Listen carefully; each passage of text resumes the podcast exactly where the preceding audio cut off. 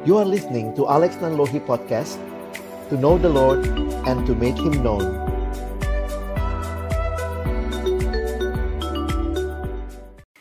Kami datang dalam ucapan syukur kepadamu Tuhan di malam hari ini. Bersama-sama boleh bersekutu memuji memuliakan namamu dan kami akan membuka firmanmu. Bukalah juga hati kami Jadikanlah hati kami seperti tanah yang baik supaya ketika benih firmanmu ditaburkan boleh sungguh-sungguh berakar, bertumbuh, dan juga berbuah nyata di dalam hidup kami. Berkati hambamu yang menyampaikan semua kami yang mendengar. Tolonglah kami bukan hanya jadi pendengar firman yang setia, mampukan dengan kuasa pertolongan rohmu yang kudus kami dimampukan jadi pelaku pelaku firmanmu di dalam hidup kami, di dalam masa muda kami.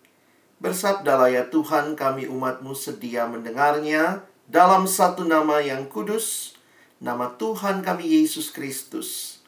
Kami menyerahkan pemberitaan firman-Mu. Amin. Shalom, selamat malam rekan-rekan pelayanan siswa se-Indonesia. Senang sekali malam hari ini kita bisa bertemu baik melalui Zoom maupun teman-teman yang ada di YouTube pada malam hari ini bersyukur sekali melihat bagaimana Tuhan memelihara pelayanan siswa di Indonesia. Malam hari ini kita akan sama-sama memikirkan bagian firman Tuhan yang menjadi tema daripada Hari Doa Siswa Nasional sepanjang bulan Mei ini. Kita sama-sama melihat bagaimana Tuhan bekerja dan tema yang diangkat adalah bersinar bersama siswa Indonesia berkarya. Matius pasal yang kelima ayat 13 dan 14. Kamu adalah garam dunia, jika garam itu menjadi tawar dengan apakah ia diasinkan, tidak ada lagi gunanya selain dibuang dan diinjak orang. Kamu adalah terang dunia. Kota yang terletak di atas gunung tidak mungkin tersembunyi. Teman-teman yang dikasihi dalam Tuhan Yesus Kristus melihat apa yang Tuhan Yesus sampaikan di dalam khotbah di bukit kepada murid-muridnya kita melihat bagaimana Tuhan Yesus memberikan sebuah identitas yang seharusnya melekat kepada diri murid-muridnya. Berarti semua kita siswa, TPS, staff, pelayan siswa se-Indonesia, kalau kita percaya kepada Kristus, kita murid Kristus, ini juga adalah identitas kita. Kamu adalah garam dunia. Kamu adalah terang dunia. Di masa Tuhan Yesus belum ada lemari es, lemari pendingin sehingga garam punya fungsi utama mengawetkan. Dan kalau kita lihat kalimatnya, kamu adalah garam dunia, ini menunjukkan bahwa ada pembusukan yang terjadi di dunia dan orang-orang Kristen, murid-murid Tuhan dipanggil untuk menjadi garamnya. Demikian juga kalau kita melihat kamu adalah terang dunia, ini menunjukkan bahwa dunia berada di dalam kegelapan dan kamulah terang dunia. Saudara-saudara yang dikasihi dalam Tuhan Yesus Kristus, kalimat Yesus ini waktu saya renungkan memberikan kembali sebuah konteks untuk kita pikirkan tentang kehadiran kita. Tuhan Yesus nggak bilang kamu adalah garam. Tuhan Yesus nggak bilang kamu adalah terang. Tetapi perhatikan kalimatnya, kamu adalah garam dunia. Kamu adalah terang dunia. Tuhan Yesus memberikan konteks di mana kita hadir menjadi garam, di mana kita hadir menjadi terang, yaitu di dalam dunia. Dunia yang digambarkan sedang membusuk, dunia yang juga gelap, tetapi murid-murid Kristus hadir sebagai garam dan juga sebagai terang di dunia.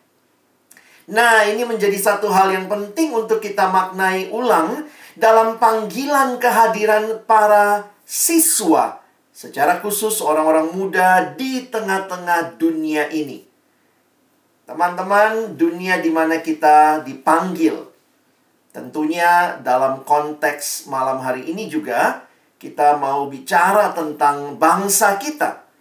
Tetapi juga jangan lupa lingkungan yang paling kecil, yang paling dekat dengan kehadiran kita itu juga dunia di mana Tuhan panggil saudara dan saya untuk hadir. Untuk bersinar di sana. Keluarga, teman-teman di sekolah, bahkan sekarang Kak Alex memaknainya bahkan dunia media sosial. Wah, dunia maya menjadi tempat di mana ketika Tuhan panggil kita juga boleh bersinar, memberikan warna, memberikan pengaruh, memberikan terang kita di sana. Jadi, kita kembali melihat bahwa Tuhan Yesus sendiri yang memanggil kita di tengah-tengah dunia yang membusuk, dunia yang gelap untuk menjadi garam dunia, menjadi terang dunia. Lalu pertanyaannya, bukannya terang dunia itu Yesus ya? Ada ayat yang mengatakan Yesus terang dunia. Yesus sendiri berkata di dalam Yohanes 8 ayat 12, Akulah terang dunia. Barang siapa mengikut aku, ia tidak akan berjalan dalam kegelapan, melainkan ia akan mempunyai terang hidup. Loh, lalu tadi yang kita baca, Yesus bilang, kamulah terang dunia. Jadi siapa yang sebenarnya terang dunia? Nah, kita perlu menempatkan pemahaman ini dengan benar. Tentu Yesus adalah terang dunia yang sejati. Tetapi kemudian kita pun dipanggil menjadi terang. Saya coba simpulkan dengan kalimat singkat ini. Kita, ingat betul, kita bukanlah sumber terang itu. Hanya Yesus sumber terang yang sejati. Dan hanya ketika kita memiliki relasi yang hidup dengan Yesus, maka kita bisa hidup sebagai anak-anak terang. Teman-teman mau bersinar? Mari miliki relasi yang hidup dengan Kristus. Kita bukan sumber terang, tetapi ketika hidup kita telah diterangi, maka Tuhan panggil kita untuk juga membawa terang itu. Sehingga di dalam Efesus pasal yang kelima, ayat 8 sampai ayat yang ke-10, Rasul Paulus berkata, Memang dahulu kamu adalah kegelapan, tetapi sekarang kamu adalah terang di dalam Tuhan. Sebab itu, hiduplah sebagai anak-anak terang. Karena terang hanya berbuahkan 3K. Kebaikan, keadilan, kebenaran, dan ujilah apa yang berkenan kepada Tuhan. Jadi harusnya kita tidak lagi mendiskusikan e, boleh nyontek nggak ya? Itu bukan diskusi lagi. Itu pasti bukan buah dari terang. Aduh, tolong papa mama di rumah apa tidak ya? Itu bukan sesuatu yang harus didiskusikan lagi. Tetapi harusnya sebagai anak-anak terang kita berbuahkan kebaikan, keadilan, kebenaran. Dan itu nyata, bukan hanya nanti kalau saya sudah besar nanti saya jadi alumni baru saya bersinar, tidak. Sejak kalian saat ini sebagai siswa, mari bersinar. Di dalam cara belajarmu menunjukkan kamu menerapkan kebaikan, kebenaran, keadilan, kekudusan ya kalau kita baca lagi di bagian yang lain keadilan, kebenaran, kekudusan, kebaikan, cara bergaulmu juga menunjukkan bahwa betul engkau adalah orang yang telah diubahkan oleh Tuhan. Karena itu tema yang diangkat tahun ini tentang bersinar bukan sekadar tema dari panitia, bukan sekadar tema dari kakak-kakak TPS, kakak-kakak staff, tetapi ini adalah panggilan Tuhan bagi siswa se-Indonesia. Mari bersinar. Dan ketika engkau dan saya boleh bersinar di tempat di mana Tuhan hadirkan kita. Lihat apa yang terjadi. Di dalam ayat yang ke-16 Matius pasal yang kelima. Demikianlah hendaknya terangmu bercahaya di depan orang. Ini kalimat Yesus. Supaya mereka melihat perbuatanmu yang baik. Tapi lihat Kak Alex garis bawahi kata atau kalimat terakhir dan memuliakan Bapamu yang di sorga. Betul, perbuatan baiknya perbuatan baik yang kita lakukan karena kita anak terang. Tetapi ketika kita melakukan semua itu, maka ingat, kita bukan sumber terang, kita bukanlah yang harus dipuji karena apa yang kita lakukan itu. Karena itu, ketika orang melihat kita, biarlah mereka melihat sumber terang itu. Kiranya kita mengarahkan mereka untuk melihat siapa Tuhan yang bekerja dan membawa harui hidup kita. Sehingga pada akhirnya seperti yang Yesus katakan, siapa yang dimuliakan? Memuliakan Bapamu yang di sorga.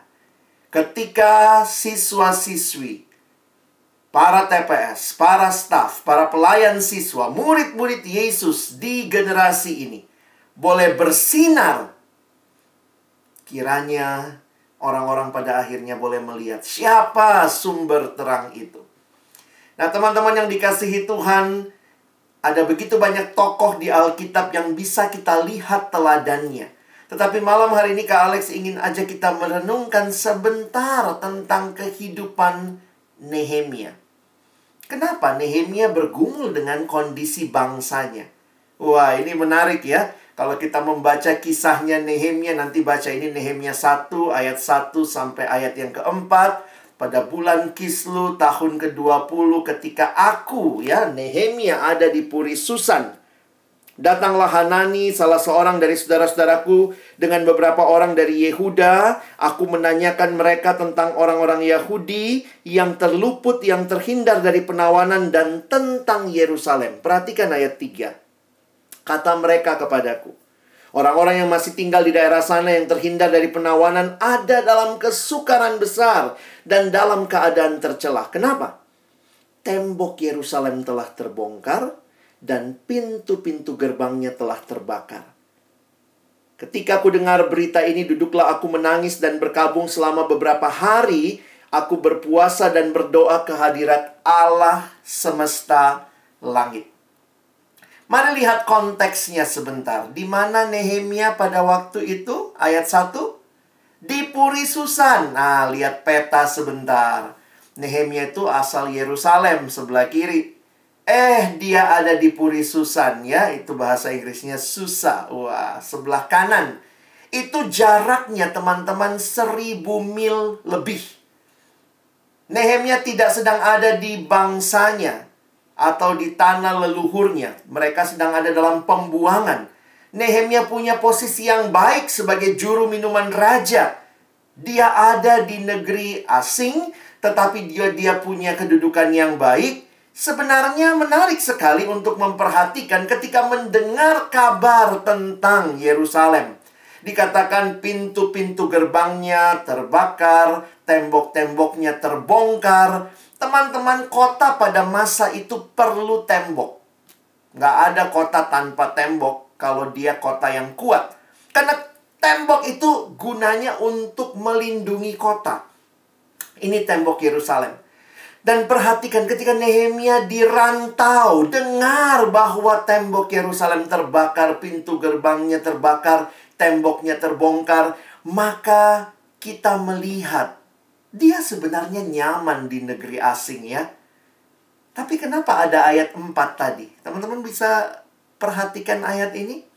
Ketika ku dengar berita ini, duduklah aku menangis berkabung. Ayo, kapan terakhir nangis? Kapan terakhir sedih hatinya? Kira-kira sedihnya karena apa? Mungkin karena kejepit pintu juga sakit, nangis ya. Tetapi Nehemia dia bersedih mendengar kondisi bangsanya.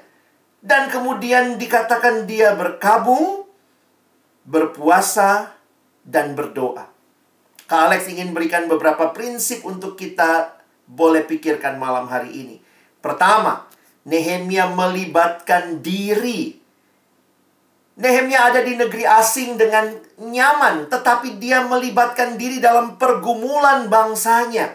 Kadang-kadang kita suka pikir, ah itu bukan pergumulan saya kak, itu kan terjadinya di NTT misalnya, waktu ada angin topan, wah itu jauh mah dari Jakarta, jauh dari uh, Solo, jauh dari uh, Medan.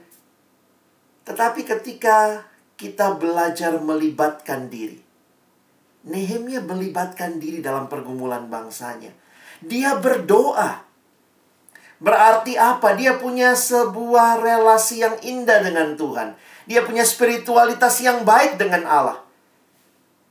Dan akhirnya kita melihat dari tanah yang jauh, Nehemia pulang ke Yerusalem dan membangun tembok Yerusalem. Nehemia bertindak, saudara. Sehingga ditulis di Nehemia 6, maka selesailah tembok itu pada tanggal 25 bulan Elul dalam waktu 52 hari. Wow, hebat ya. 52 hari. Kak Alex ingin kita merefleksikan bagaimana dengan kita. Kita dipanggil di bangsa ini, di Indonesia. Kita tidak sedang dibuang di sini ya. Kita bahkan meyakini kita dipanggil di sini. Di tengah-tengah situasi Indonesia dengan pandemi ini kita pun makin sadar betapa pentingnya pem pemulihan bagi bangsa ini. Dari Nehemia kita belajar tiga hal. Melibatkan diri, berdoa, dan juga bertindak. Teman-teman, siswa bisa terlibat dalam doa, bahkan bertindak. Kerajaan Allah menjadi tempat yang kita rindukan. Keadaan yang Allah nyatakan bagi siswa identitasnya, keluarga, kota, bangsa. Inilah yang kami pikirkan ketika menyusun tema Hari Doa Siswa Nasional. Mari kita sama-sama melihat kehadiran kita. Kita bersinar mulai dari diri kita yang mengalami perubahan identitas yang kuat di dalam Tuhan. Keluarga kita dipengaruhi, kota kita dipengaruhi, bangsa bahkan dunia ini. Karena itu hari doa siswa nasional yang sudah kita lalui. Kita berdoa setiap hari. Minggu pertama kita berdoa untuk identitas siswa. Aku dan diriku. Minggu kedua kita berdoa untuk aku dan keluargaku. Minggu ketiga kita berdoa untuk aku dan kota di mana aku hadir. Dan minggu yang keempat, hari ini terakhir, kita juga berdoa untuk aku dan bangsaku serta pelayanan siswa se-Indonesia. Teman-teman, saya ingin menutup dengan mengajak kita melihat kita perlu meyakini Tuhan punya rencana bagi setiap kita dalam kondisi Indonesia saat ini dan Tuhan mau melibatkan kita di dalamnya. Bersinar bersama siswa Indonesia berkarya. Kiranya ketika kita akan masuk kembali dalam doa-doa kita sebagai puncak dari hari doa siswa sepanjang bulan Mei ini, kita boleh menyerahkan kepada Tuhan seluruh pergumulan kita dan siswa berdoa, bertindak bagi kemuliaan Tuhan. Amin. Bapak Surgawi, terima kasih buat firman-Mu hantarlah kami membawa pergumulan-pergumulan doa kami bagi diri kami, bagi keluarga kami, bagi kota kami, bangsa kami. Karena kami sadar kami ada di dalam dunia ini bukan hanya untuk hadir, tetapi untuk bersinar dan menyatakan terang Tuhan kepada dunia. Dalam nama Tuhan Yesus kami bersyukur. Amin.